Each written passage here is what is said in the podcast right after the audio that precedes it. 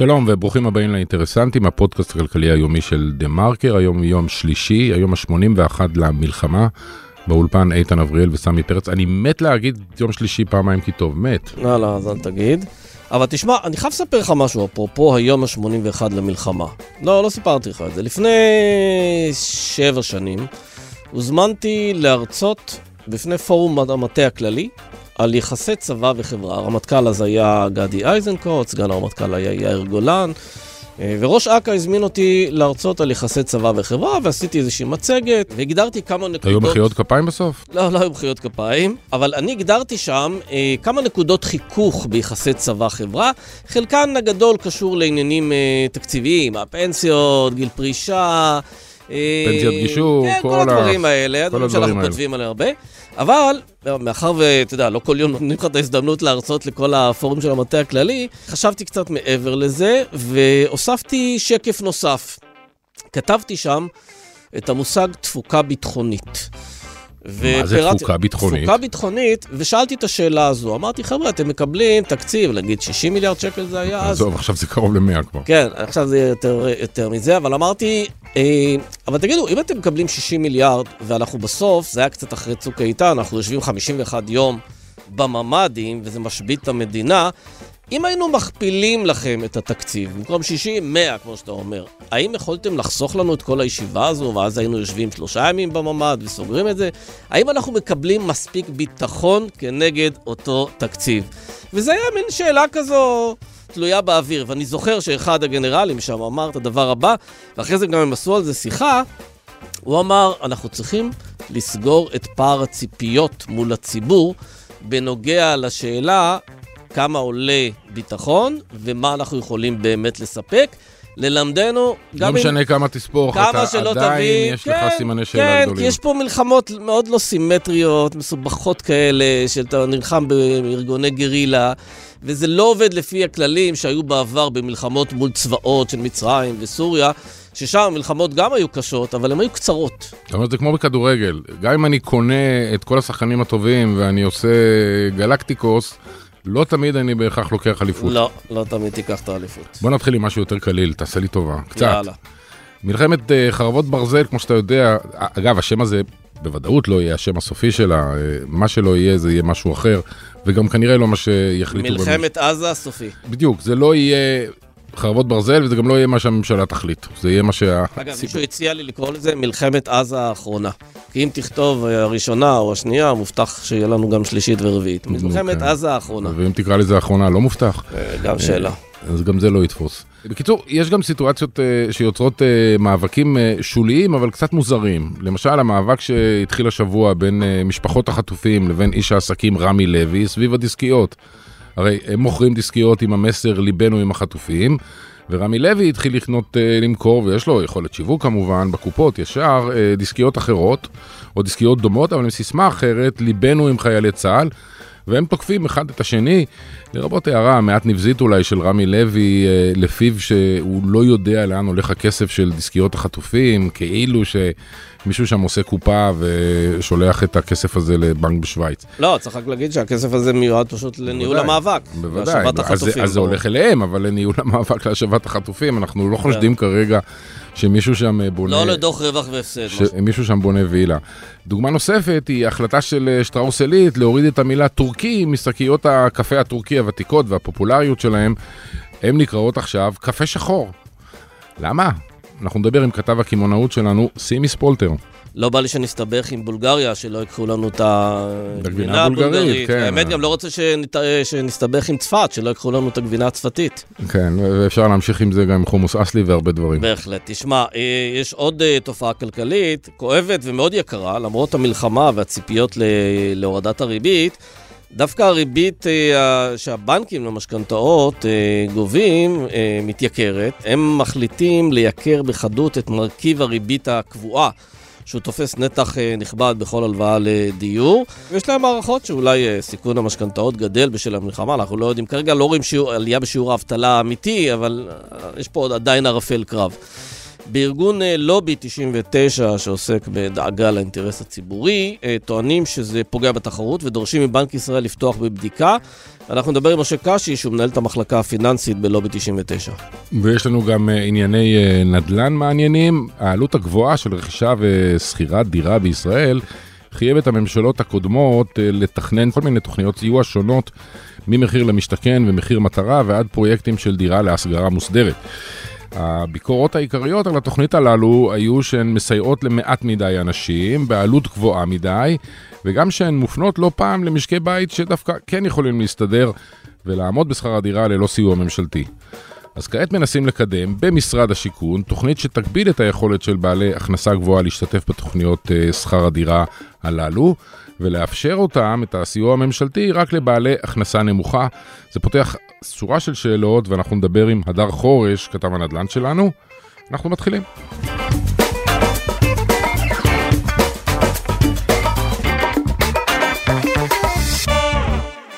שלום לסימי ספולטר. היי איתן, היי סמי. כתב הקמעונאות שלנו. תשמע, קודם כל נספר לך על משהו שקרה לי בסופרמרקט לא מזמן. רציתי לקנות, רציתי לקנות שמן זית. והיו שני מוצרים על המדף. אחד מטורקיה, זול, אחד מיישובי העוטף, אתה יכול לנחש לבד איזה יישוב עוטף עושה שמן זית, יד מרדכי, והשמן זית של יד מרדכי היה אה, יקר, אה, לא זוכר, ב-50, 70 אחוז, משהו באמת באמת אה, מאוד אה, משמעותי. והחלטתי שאני מעדיף לחזק את יישובי העוטף ולשלם מחיר הרבה יותר יקר על שמן הזית שלי, וגם באותה מידה אמרתי, מה אני עכשיו צריך לחזק את טורקיה? לא בא לי. ואתה חושב על זה שיכול להיות שמתפתח פה איזה סנטימנט קצת יותר קשה כלפי סחורה אה, מטורקיה, עד כדי כך שהגענו לאיזה מצב אבסורדי, ששטראוס עילית החליטה להוריד את המילה טורקי משקיות הקפה שלהם, עד כדי כך? האמת שכן, זה באמת סנטימנט שמאוד מאוד חזק, והלחץ להוריד את הטורקי הגיע באמת מהרשת, יש פוסטים של uh, משתמשים, כאילו של יוזרים די אנונימיים שהגיעו לאלפי לייקים. ויש כאלו שעיצבו מחדש את העטיפה בצבעים כחול לבן, וכן, הלחץ הגיע מלמטה, זה לא איזה יוזמה של שטראוס. אה, באמת אני חושב שהגענו לאיזשהו מצב שהצרכנים, כמו שאתה תיארת, אה, הפכו מאוד מאוד קנאים לנושא של טורקיה. רמי לוי נאלץ להפסיק לייבא אה, עגבניות מטורקיה, אבל לא רק רמי, כמעט כולם ייבאו עגבניות מטורקיה בחודשים האלו, וכמעט כולם הפסיקו, ועכשיו חזרו קצת, בגלל שנוצר מחסור. ונוצר איזשהו לחץ מאוד גדול. מה עושים עם בורקס טורקי עכשיו? אה, צריך להוריד אותו מכל, אה, מכל התפריטים? יש אה, עשרות, אם לא, אם לא מאות של בעלי עסקים שכתוב הבורקס הטורקי מספר אחד. ומה עושים עם השתלות שיער שיש רק בטורקיה בזאת? בסדר. כן, האמת שזו שאלה טובה, השאלה גם כמה רחוק אנחנו רוצים ללכת עם זה, כי אתה יודע, אנחנו גם לא, לא נהנה מזה מהצד השני. הרבה מוצרים שעוברים בישראל או מיוצרים בישראל, וראינו לפני שבוע שבאירופה, נראה לי בלונדון, אה, חומוס אפרטהייד בסניפים מסוימים של קוסקו נראה לי. כן, אבל אין, אין, אני לא חושב שיש הרבה, הרבה מוצרים שכתוב עליהם ישראלי במרכולים בלונדון, זאת אומרת, מה, כן. אפילו חומוס, אה, זה חומוס אחלה אולי, או... אגב, אתה יודע איזה מוצרים, איפה יש זה? איזה מוצרים אתה יודע שהם כאילו, כתוב פשוט, אה, אנחנו קונים בישראל הרבה מאוד אה, חולצות, טקסטיל, שמקורו בטורקיה, טורקיה יותר זול נכון. לעשות טקסטיל, והשאלה אבל אם מי שאומר, אני לא יכול לשתות קפה טורקי, לא בא לי משהו שכתוב עליו מילה טורקי, גם הולך לטיקט של החולצה שהוא קונה ברנואר או ב... קסטרו ואומר, אני גם לא אקנה חולצה אה, שיוצרה בטורקיה. נכון, אגב, טורקיה היא יבואנית ענק לישראל. נכון. יצואנית בעצם הצד שלה, וזה, ואחת המדינות הכי צומחות, נראה לי מקום שלישי.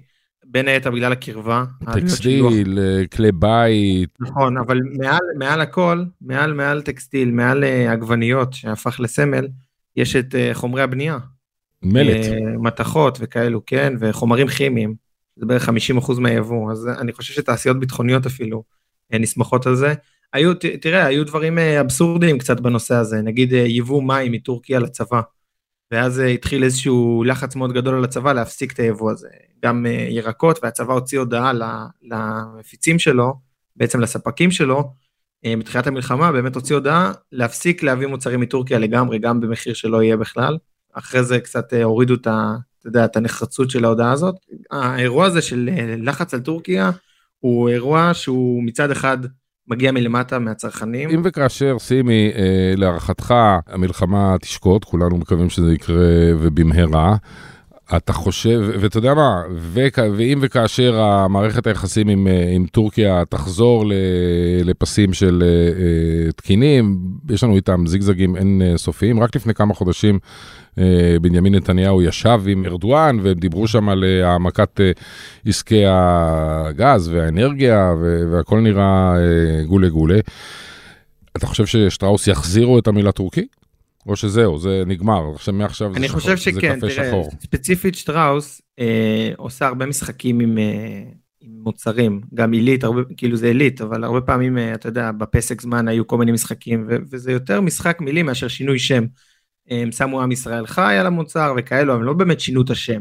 בסוף קפה טורקי זה גם לא שם ששטראוס המציאו, זה פשוט שם המוצר.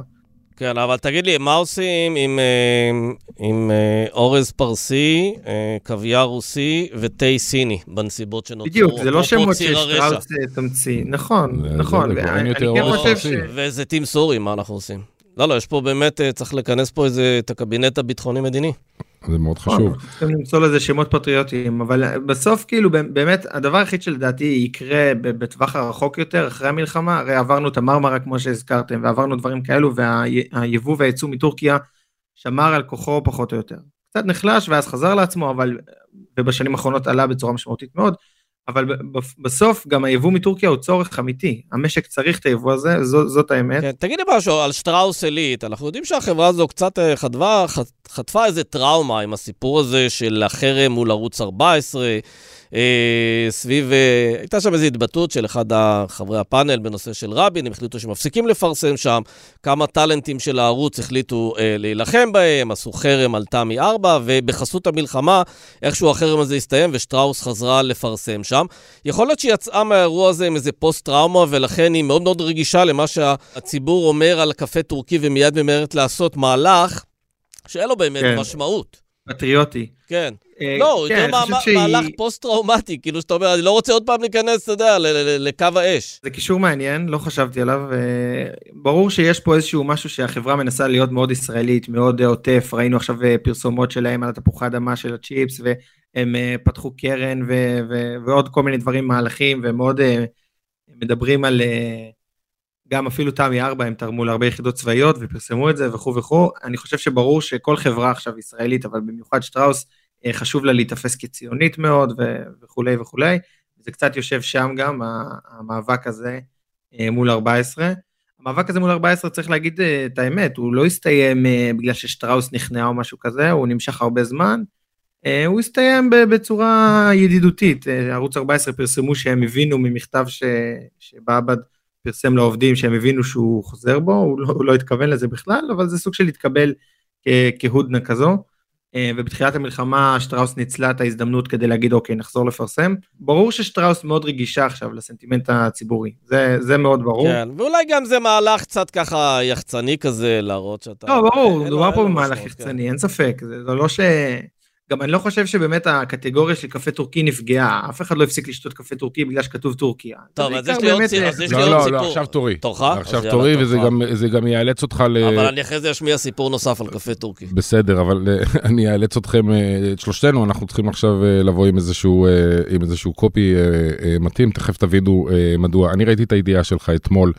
אה, אני ראיתי אותה באתר אה, על, על ההחלטה של, אה, של שטראוס והתמונה של החבילה שכתוב עליה קפה שחור ולא קפה טורקי. העברתי את זה לידיד שלי בשם מיקי גבריאלוב. ככה בצחוק. תראה מה, מה קורה, כי מיקי גבריאלוב שר את השיר, כן. שר שיר של אז תשתה קפה טורקי ותתעורר. הוא העלה את זה עכשיו לרשת והוא אומר, מה אני, מה אני אעשה בשיר? תציעו לי אה, שם חלופי. אוקיי, אז, אז עכשיו... תשתה אה. תשתה משהו. אז אני חייב לספר משהו. לפני הרבה שנים נסעתי ליוון, וקראתי איזשהו מדריך תיירים לפני כן, והיה רשום שם שלעולם אל תבקש קפה טורקי במסעדה יוונית.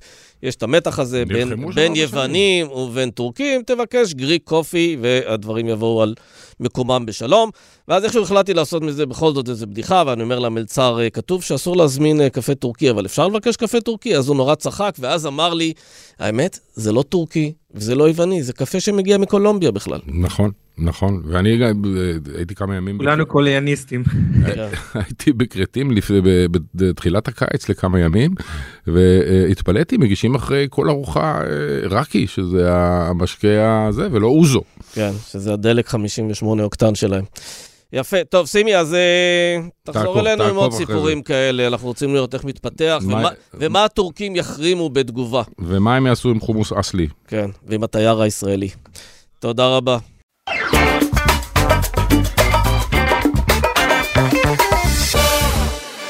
שלום למשה קשי. שלום איתן וסמי. מנהל תחום פיננסים בלובי 99, אתה פונה אתמול נדמה לי, תקן אותי אם, אם זה קודם, במכתב למפקח על הבנקים, ואתה אומר שאתה שם לב מנתונים שמצאת בלוחות בנק ישראל, שהריבית על המשכנתאות עולה דווקא עכשיו, וזו שאלה מאוד מעניינת, למה זה קורה?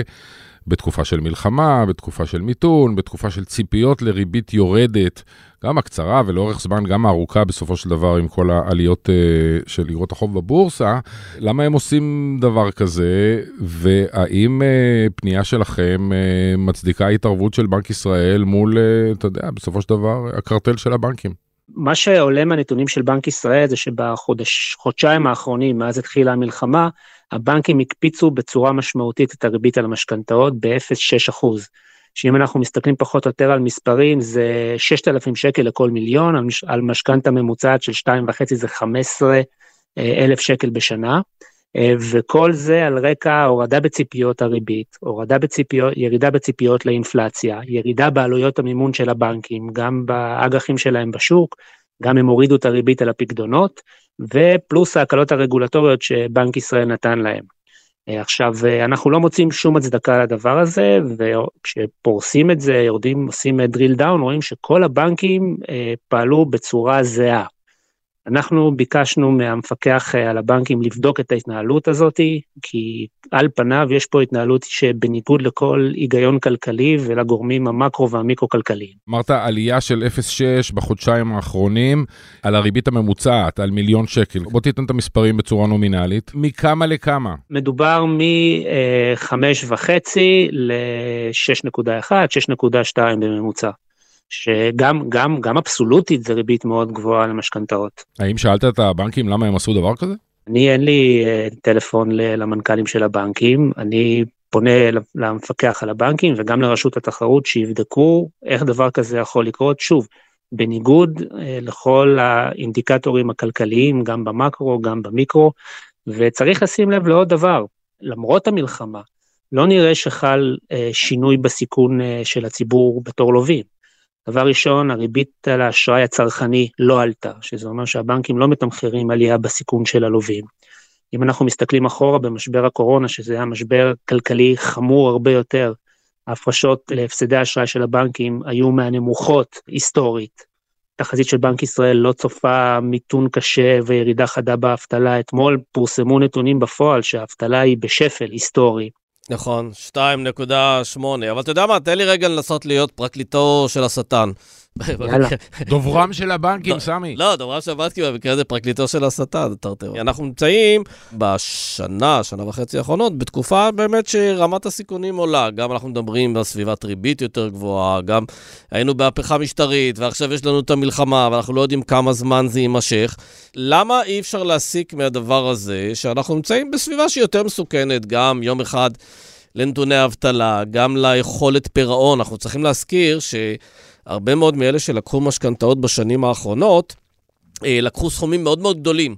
ההחזר החודשי מאוד גדול ומאוד גדל. גם יש הבדל בין, אתה יודע, אם הריבית הגבוהה הזו אה, הייתה רק איקס זמן, או שהיא עכשיו אה, הולכת ומתמשכת. יש פה אפקט מצטבר של עלייה ברמת הסיכון של המשק, גם אם זה לא בא לידי ביטוי בשיעור האבטלה. סמי, כל מה שאתה אומר נכון, אבל הרוב זה מראה אחורית. אנחנו מדברים על הנוטלי משכנתאות קדימה ולא אחורה. דבר שני, שוב, אם רמת הסיכון של הלווים במשק עלתה, היינו צריכים לראות את זה גם בעלייה בריביות על האשראי הצרכני, ושם אנחנו לא רואים את זה, אנחנו רואים די יציבות.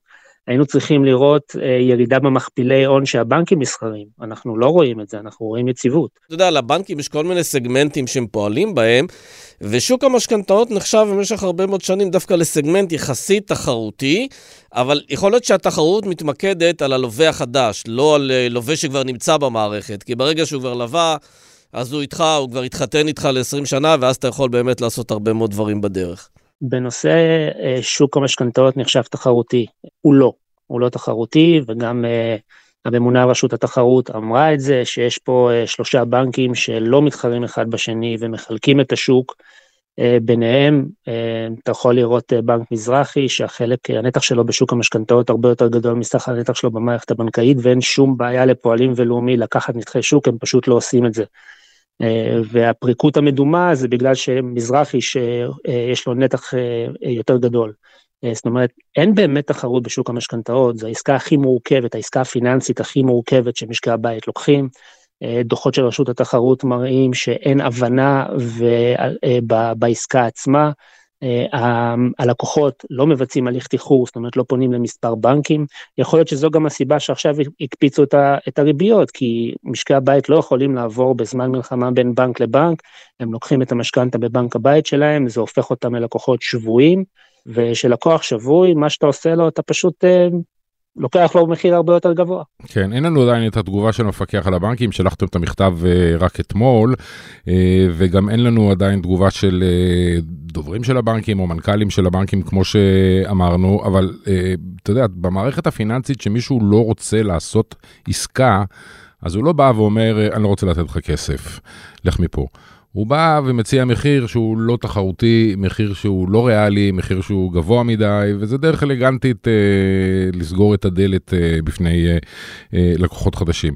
יכול להיות שהם פשוט אה, החליטו אה, לקחת פחות, אה, או לתת פחות אה, משכנתאות בעת הזו, מתוך, מתוך חשש שאחד, החלק שלהם בכלל, של ההון שלהם במשכנתאות הוא כבר גדול וגדול מדי, הם כבר קיבלו על זה רמזים מבנק ישראל להפסיק, או, או אתה יודע, לא להמשיך להגדיל את חלק המשכנתאות או החלק הנדל"ן מסך תיק האשראי שלהם, ואולי הם באמת חושבים, כמו שסמי אומר, שבתקופה הזאת של, של מלחמה הם מעדיפים אה, לחכות ולשבת עם, עם הידיים מתחת לישבן, ולא לא לפתוח משכנתאות חדשות, וזה פשוט דרך אלגנטית לכאורה להגיע לתוצאה הזו. אם כל מה שאתה אומר זה נכון, שהבנקים קיבלו החלטה שהם עוצרים את המשכנתאות, זה, זה אירוע הרבה יותר גדול ו, וחמור מהנושא שיחה שלנו.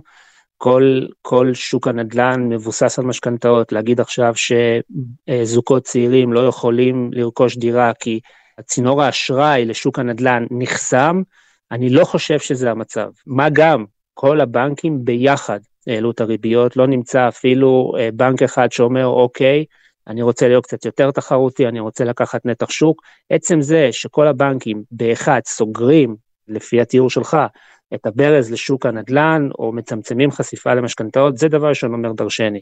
אה, דבר שני, אני לא חושב שזה המצב, זאת אומרת, מי שלא רוצה לתת אה, משכנתה, הוא יכול לסרב לתת משכנתה, הוא לא חייב לעשות את זה בריבית. לעשות את כל התהליך של אה, קבלת הבקשה ובדיקת הסיכון ובסוף לתת ריבית גבוהה זה לא משתלם לבנק, הבנק פשוט יכול להגיד אני לא נותן יותר משכנתאות. לבקש עכשיו ריבית גבוהה של uh, מעל 6% בכל התנאים שציינת ואני ציינתי בפתח הדברים עם ציפייה ל, לירידה בריבית, ציפייה ל... אני יודע, האטה, אולי מיתון, אתה יודע, זה, זה מחיר כל כך גבוה שלקוחות רבים יגידו לא, אני אחכה. אנחנו כבר רואים שכבר כמה חודשים אה, שוק הנדל"ן היקף העסקאות, הנדל"ן אה, מאוד נמוכות, אה, אבל שוב, אנחנו, אנחנו פה אה, מרחיבים את הגזרה לכל, למצב של שוק הנדל"ן בכללותו. מה שצריך לשים לב, זה שבסופו של דבר הבנקים הקפיצו את הריבית בתוך חודשיים, שתנאי השוק לא השתנו בצורה דרסטית על אף המלחמה, ופתחו את מרווחי האשראי שלהם על אף שהריביות ירדו, וציפיות להורדת ריבית, וציפיות להורדת אינפלציה, זאת אומרת, אנחנו לא רואים שום הסבר מקרו-כלכלי שבא ואומר, אוקיי, יש פה איזו הצדקה. כשאתה מסתכל על אותן לוחות שמהם שלפת את תוואי הזה של ריביות עולות, מה דווח במונחים של יצירת משכנתאות חדשות אה, בחודשים אוקטובר-נובמבר? הלוחות שאנחנו הסתכלנו זה רק על הריביות ש... שבוצעו, זאת אומרת, אה, הריביות שהמשכנתאות ניתנו, על המשכנתאות זה אנחנו לא בחנו. כן, אפשר לבדוק את זה. אפשר לבדוק את זה, אבל שוב, ידוע ש, שיש ירידה בהיקף המשכנתאות. מהסיבה הפשוטה שככל שהריבית אה, יותר גבוהה, ככה נוטלים פחות משכנתאות. כן. אתה יודע, תמיד אה, אנחנו מדברים על אנשים ששלחו מכתב למישהו, לראש הממשלה, לשר האוצר, למפקח על הבנקים, כל פעם למישהו אחר, אבל השאלה הכי חשובה, וענו לך? בינתיים אה, לא ענו, אה, אבל... אה, בדרך כלל עונים אגב, כשאתם שולחים מכתבים, מתי שהם אה, עונים? יש, כן, כן, עונים, יש לנו שיחות גם אוף דה רקורד עם, אה, עם כל הרגולטורים הפיננסיים, לא רק עם הפיקוח על הבנקים, או שעונים בכתב, או שגם אה, מקיימים אה, שיחה בעל פה. אז בוא נסכם שברגע שהם עונים לך, אתה רץ אלינו ואנחנו מדברים על זה. לא, אני מוכן לסכם עוד דבר, אנחנו נרים את הכפפה ונשאל את השאלות, לפחות מהכיוון של הבנקים, וגם מהכיוון של בנק ישראל, כן. יענו, יענו יענו מה כן. שיענו, ואנחנו נבוא עם אה, תשובות חלקיות מחר. בהחלט. בשמחה. משה קשי, כל הכבוד לעבודה ותודה רבה. תודה. כל הכבוד לכם.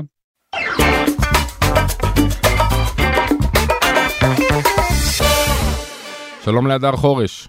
שלום איתן, שלום סמי. איש הנדל"ן שלנו, אה, כמו שאתה יודע, אה, יותר טוב אפילו מאיתנו, עם הוותק שלך מזה שנים ומזה ממשלות, מנסות לסייע לאזרחים ש... קשה להם uh, לקנות דירה, uh, להשכיר דירה, יש הרבה תוכניות בתחום המכירה ומחיר uh, למשתכן ובנייה כזאת ובנייה אחרת, והיו גם, ויש גם תוכניות לסיוע בשכר דירה, ומסתבר שבמשרד השיכון uh, יש תוכנית חדשה סביב הביקורת באופן כללי, ש... בעבר התוכניות הללו אה, לא עזרו להרבה אנשים וגם אפשרו לאנשים שיש להם כסף להיכנס לעניין על בסיס הגרלה ו- ומזל, והם רוצים להתמקד באמת באנשים שאין להם. תסביר מה הם רוצים לעשות, מה הם מציעים, ואולי גם מה המוטיבציה שמאחורה. הפעם זאת אה, תוכנית לא ממש חדשה, זו תוכנית אה, די ישנה, שנקבעה עוד הרבה לפני הממשלה הקודמת, ועל פי התוכנית הזאת תינתן הנחה גם לשוכרי דירות. אנחנו כולנו מכירים את תוכניות אה, מחיר למשתכן ומחיר מטרה והגלגולים שלהם שנתנו הנחות לאנשים שרוכשים דירות. הפעם התוכנית הזאת, אה, הפרק הזה נאמר אה, במדיניות, מדבר על אנשים ששוכרים דירות. עכשיו התוכנית הממשלתית לשכירת דירות היא מבוססת בעיקר, או עד עכשיו רק, על אה, שכירות במחירי שוק, שההבדל בינה לבין אה, השוק הרגיל של השכירות הוא שהחוזים הם לטווח ארוך ויש אה, תנאים והם מפוקחים והשוכרים פחות או יותר מרגישים מוגנים עם שכר דירה קבוע שמתעדכן לפי המדד, אחת לחמש שנים נדמה לי, תלוי בחוזה. וזה תוכנית שכירות במחירי שוק אבל בתנאים קצת יותר נוחים.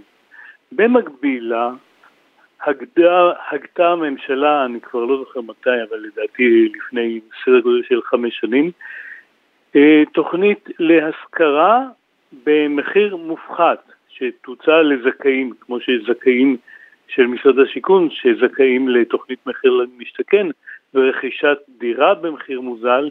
התוכנית הזאת אומרת, יש מחיר שוק שהוא שכירות, ואנחנו נציע את הדירות האלו לזכאים ב-20% מתחת למחיר השכירות. אבל התוכנית הזאת קצת תקועה, ובפועל אף אחד עדיין לא זכה אה, להיכנס לדירה בשכירות במחיר מופחת של 20%, ודווקא בשנה האחרונה אה, משרד השיכון מנסה להוציא את התוכנית הזאת מהבוץ, בעיקר על ידי קביעת כל מיני uh, תקנות ופירוט התוכנית באופן שאפשר יהיה להוציא אותה לפועל, uh, ויצאו כל מיני uh, הצעות לשימועים וטיוטות ו- ותקנות. מה שהשבוע ראינו שיש uh, עוד uh, תקנה ש- שקובעת פחות או יותר את uh, מי הם הזכאים לתוכנית הזאת. עכשיו, אדר, אני רוצה להגיד משהו על המושג מבחני הכנסה. מבחני הכנסה דבר נורא חשוב כשאתה רוצה לעשות הטבות, כשאתה רוצה לתת הקלות, ואתה זה, בכלל כל מערכת התמריצים הממשלתית. בישראל, אה, המושג מבחני הכנסה הפך להיות שם קוד לאיך מעבירים אה, לאוכלוסיות מסוימות, בדרך כלל לחברה החרדית, אה, הטבות למיניהם. מאחר ואנחנו יודעים ששר השיכון, הוא מגיע מהחברה החרדית, תשכנע אותנו שזה לא קשור לעניין המגזרי. קודם כל, מה שאני יכול להגיד לך זה שגורמים במשרד השיכון אומרים שלא רק ששר השיכון הנוכחי לא מעוניין במיוחד בתוכנית הזאת, היא אפילו נכפתה עליו, לא ברור לי על ידי מי, על ידי הכנסת כנראה, החלטה של הכנסת, היה דיון בוועדת הכלכלה נדמה לי, שהורו למשרד אה, לקדם את התוכנית הזאת. למה בדיוק הוא לא רוצה את זה אני לא יודע, ואנחנו יודעים גם למה משרד האוצר למשל לא כל כך אוהב את התוכניות האלו. משרד האוצר לא אוהב אה, בכלל מבחני הכנסה, כי הם, אה, גם כשאתה רוצה לתת הטבה לאוכלוסייה מסוימת הם די מעכבים ומאפשרים כל מיני קומבינות, ואם אנחנו רוצים להפלות כל מיני אה, אוכלוסיות, אתה יודע שיש לא רק מבחני הכנסה, אפשר לעשות גם מבחן אה, של שירות צבאי, כן או לא, אפשר לעשות מבחן של גודל משפחה, שזה דווקא החרדים די אוהבים. בתוכנית מחיר למשתכן, באחד הגלגולים הקודמים שלה, ניסו לעשות מבחן של מיצוי יכולת ההשתכרות, או במילים אחרות להוציא מהתוכנית אנשים שהם לא עובדים או עובדים במשרה חלקית או סוג כזה של אה, דברים. אז כן, אדר, אבל גם צריך להגיד בעניין הזה, שמצד אחד מאוד יפה שהממשלה מציעה תוכניות כאלה, מצד שני הן מאוד מינוריות. אי אפשר להגיד שכל הנושא של דיור להשכרה מוסדרת הוא הצלחה בישראל, אפשר אפילו להגיד שזה כישלון טוטאלי מבחינת ההיצע, שהוא האלטרנטיבה שהוא מספק לציבור. כן, כן, אה, מאוד מינוריות זה באמת ביטוי מאוד מינורי בהקשר הזה.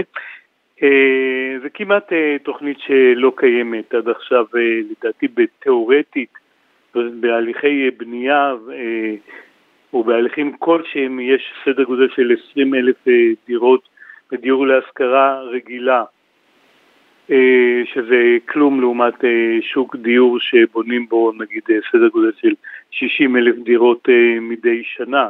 אנחנו מדברים על כל, כל המלאי של דיור להשכרה, ואנחנו יודעים שהמלאי הזה לא צומח כי חלק גדול מהמכרזים להשכרה של המדינה נכשלים, והדירות האלו בכלל אה, לא, לא מתחילות להיבנות. אז אה, זה די אה, כישלון, ועוד הכוונה היא לעשות את הדיור להשכרה במחיר מופחת 20% מסך הדיור להשכרה הממשלתי. כן, אז זה באמת לא, לא הרבה. במובן הזה, וכל זה בכלל לא יצא לפועל, אבל איפ, מה, מה שמעניין ב...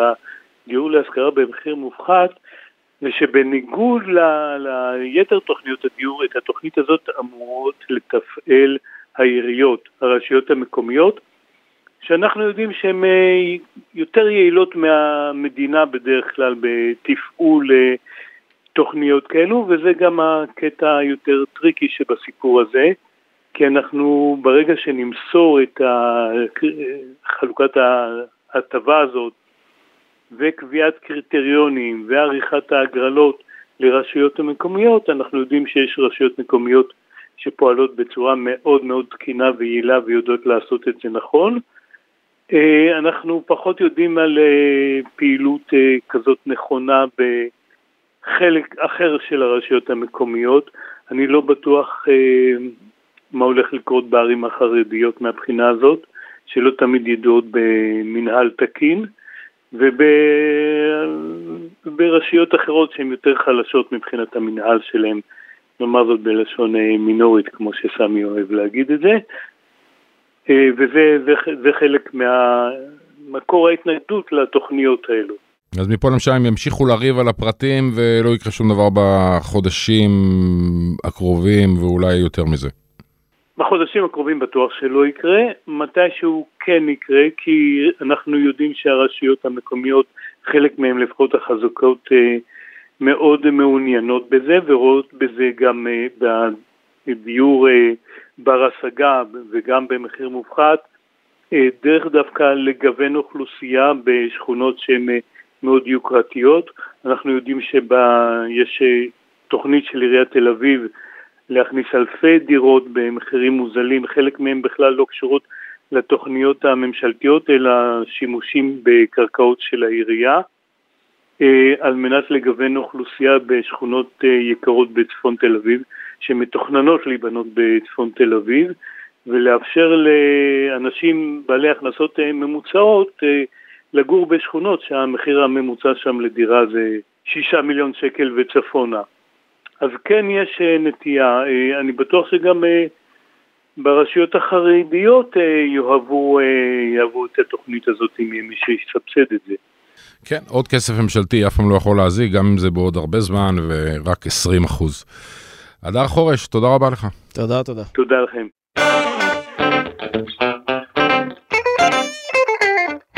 זהו, עד כאן האינטרסנטים להיום. איתן אבריאל, תודה רבה לך. סמי פרץ, היה לי כבוד גדול. אה, כבוד זה יפה. לא, דיברנו על כבוד בבוקר. כן, כן, דיברנו על כבוד, צודק. אה, נגיד תודה גם לדן ברומר ולמאיה בן ניסן שעורכים אותנו. ניפגש פה מחר כרגיל, אותה שעה, אותו מקום, ביי.